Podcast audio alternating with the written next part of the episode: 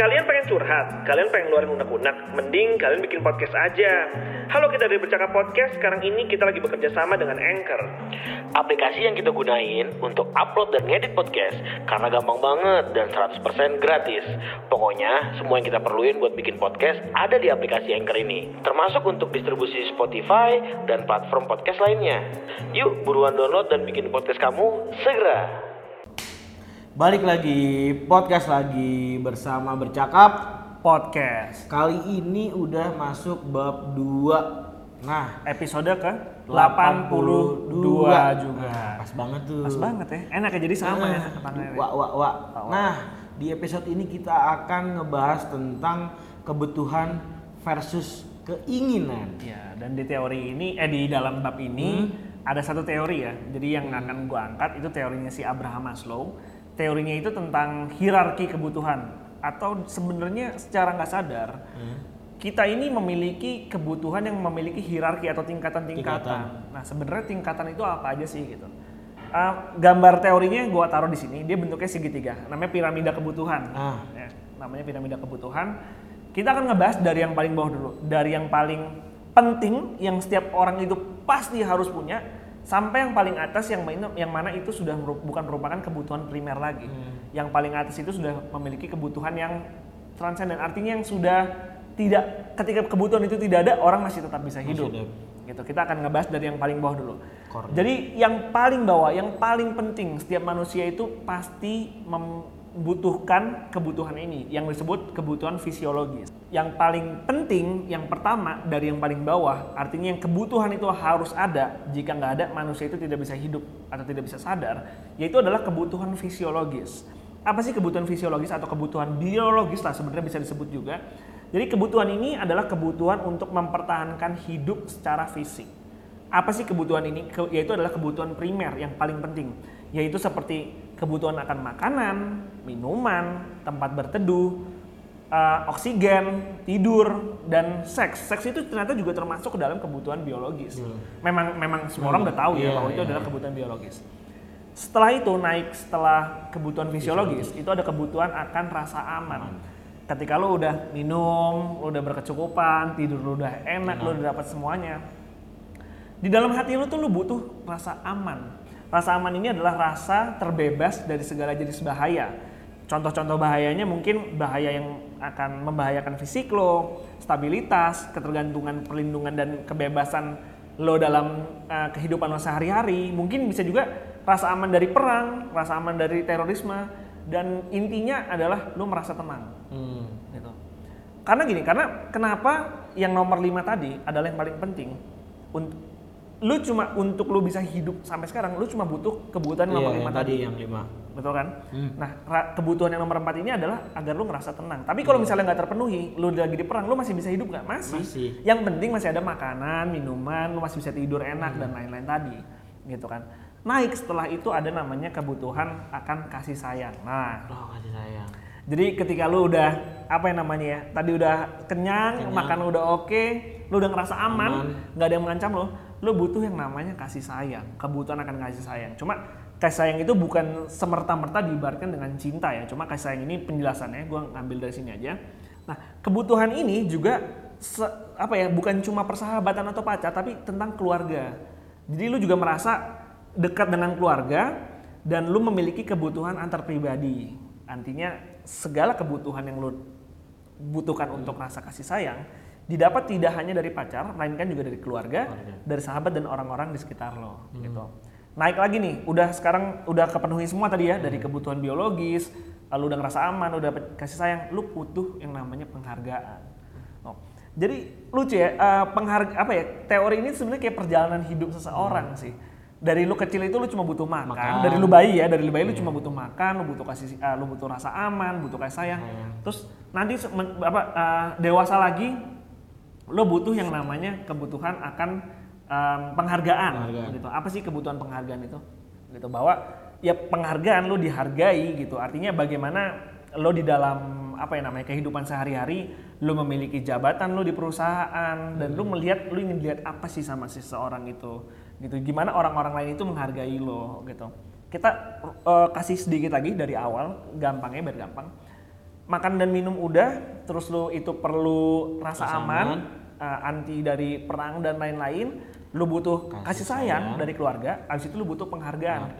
Jadi sebenarnya memang ini bukan merupakan sebuah keharusan yang dimiliki, tapi setiap orang itu pasti mendamba-dambakan hal ini. Secara Iya nggak sih. langsung lu pasti ingin dicintai Iya sih, dan lu ingin dihargai sama lingkungan lu. Barulah setelah itu semua tercapai, lu masuk ke dalam tahap yang paling akhir dari kebutuhan adalah aktualisasi diri. Gitu. Apa sih tahap aktualisasi diri? Tahap ini adalah kebutuhan yang tidak melibatkan keseimbangan tapi melibatkan hasrat yang terus-menerus untuk memenuhi potensi. Artinya, arti dari aktualisasi diri ini adalah lu ingin dipandang apa sih di masyarakat? Lu ingin menjadi apa? Lu ingin dilihat sama orang itu lu pengen jadi apa? Artinya lu udah bisa mengaktualkan diri lu saat ini itu lu menjadi apa sebenarnya? Gitu. Nah, itu loh sebenarnya kebutuhan, gitu kan? Nah, di luar ini itu ada yang disebut dengan keinginan sebenarnya. Yang mana keinginan sebenarnya tidak merupakan semuanya keinginan itu adalah kebutuhan. Tuhan, betul sih. Iya. Benar, benar. Ngerti ya maksud Benar, gue ya? benar. Jadi ingin itu tidak harus, kebutuhan itu biasanya harus. Harus. Contohnya, mobil itu adalah kebutuhan atau bukan? Eh kebutuhan sebenarnya sih. Betul. Untuk beberapa orang yang memang sudah membutuhkan transport, mobil itu adalah kebutuhan. Kebutuhan. Tapi sebenarnya kalau misalnya kita lihat dari teori ini sebenarnya loh ya sebenarnya, ya mobil itu kan kalau nggak ada mobil lu masih bisa. Masih gitu bisa. Iya, it- itu nggak ada tuh tadi di di yang paling bawah. Iya, iya. ada. Kalau gue sih ngegampang ini gini aja. Kebutuhan itu adalah alat yang harus ada dan tidak bisa di apa yang namanya disubstitusi oleh alat lain. Hmm. Mobil masih bisa disubstitusi, masih ada motor, motor masih bisa disubstitusi dan lain-lain. Halo, kita dari Bercakap Podcast.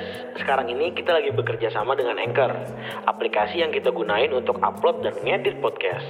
Karena gampang banget dan 100% gratis. Pokoknya semua yang kita perluin buat bikin podcast ada di aplikasi Anchor ini, termasuk untuk distribusi ke Spotify dan platform podcast lainnya. Yuk buruan download dan bikin podcastmu segera. Cuma memang sekarang banyak juga keinginan yang sudah menjadi kebutuhan. Salah satunya adalah mobil. Jadi gue setuju kalau dibilang mobil itu adalah kebutuhan, gue juga butuh gitu. Kalau nggak kita ke sini mau naik apa? Contohnya Iya. misalnya kayak gitu kan. Jadi memang eh, ngomongin tentang kebutuhan dan keinginan ini merupakan eh, dua hal yang memang sangat mirip irisannya, cuma memang berbeda. Nah, kenapa gue pengen mengangkat tema ini? Gue pengen ngebahas tentang hal-hal bersifat yang tidak perlu, yang boros. Dan gue boros banget, Pak Gam, lu boros kenapa tuh? gue boros banget. Artinya gini gue let's say gue dapat gaji sebulan satu juta misalnya. Itu mungkin setengahnya sendiri itu gue beliin untuk keinginan gue keinginan loh bukan kebutuhan.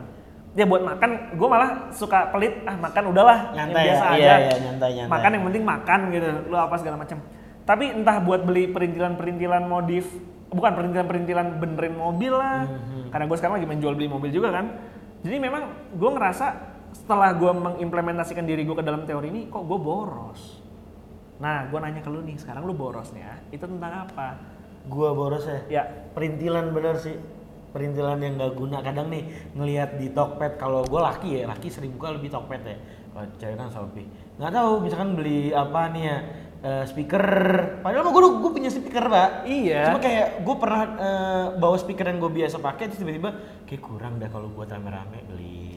Iya makanya kadang-kadang kayak gitu juga, juga. padahal kita udah punya barangnya Hmm. tapi ngerasa belum puas nah ini sebenarnya memang mengacu ke dalam tingkat kepuasan Kepuasan. tadi nah satu-satunya hal yang bisa memberhentikan gue dari mengikuti keinginan gue terus-menerus adalah kata-katanya profesor gue itu Profesor Bambang Sergi Laksmono dia pernah bilang how much is enough seberapa jauh sih atau seberapa besar sih yang namanya kata cukup karena hampir nggak ada bro ketika kita sudah melewati itu ntar ada lagi Ada tahapan lagi. berikutnya kita udah punya speaker yang bagus ada lagi yang lebih bagus everything is upgrade kan semuanya itu memang mengupgrade nah di sinilah akhirnya gue bisa memberhentikan diri gue untuk ayo dong udah di- jangan Ya. jangan terus terusan jangan terus terusan kayak gitu Kalau hmm? kalau gue nih cara memperhatikan keinginan gue yang tidak jelas itu adalah saldo.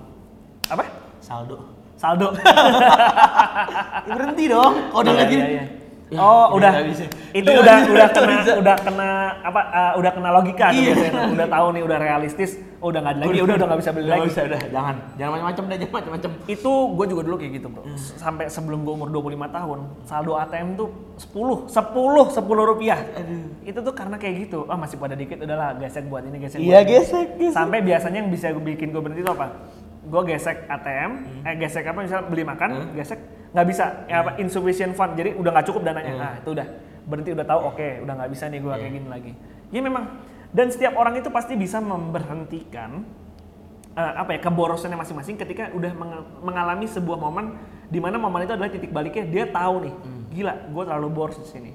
Gitu. Di tahap yang lebih gila lagi, orang-orang bakal beralih ke pinjol. Wah, iya pinjaman tuh, online. yang lagi rame tuh, Ya, Mas. kita udah bahas tentang hutang ya. Iya, hutang. Kita udah bahas tentang hutang. Dan itu memang bahaya banget ya guys. Eh, itu jadi kontradiktif loh. Artinya eh, si siapa Menteri Pak Mahfud MD Hmm. bilang bahwa udahlah pinjam aja dari pinjol nggak usah dibayar gitu kan. Tapi Ketua MUI ngebantah.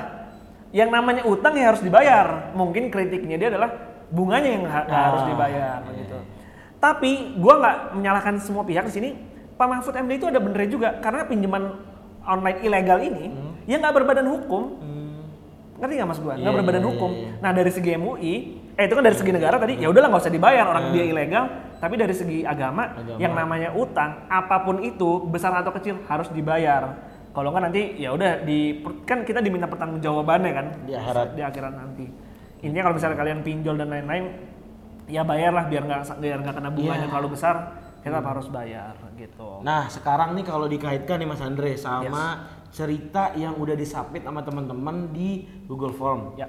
Ini ada nih Mas cerita dari Rini. Instagramnya. Itu adalah Rini Agome. Rini Oke, Agome, dia cerita nih tentang beberapa tahun terakhir aku merasa insecure sama teman-teman yang udah pada nikah dan punya anak.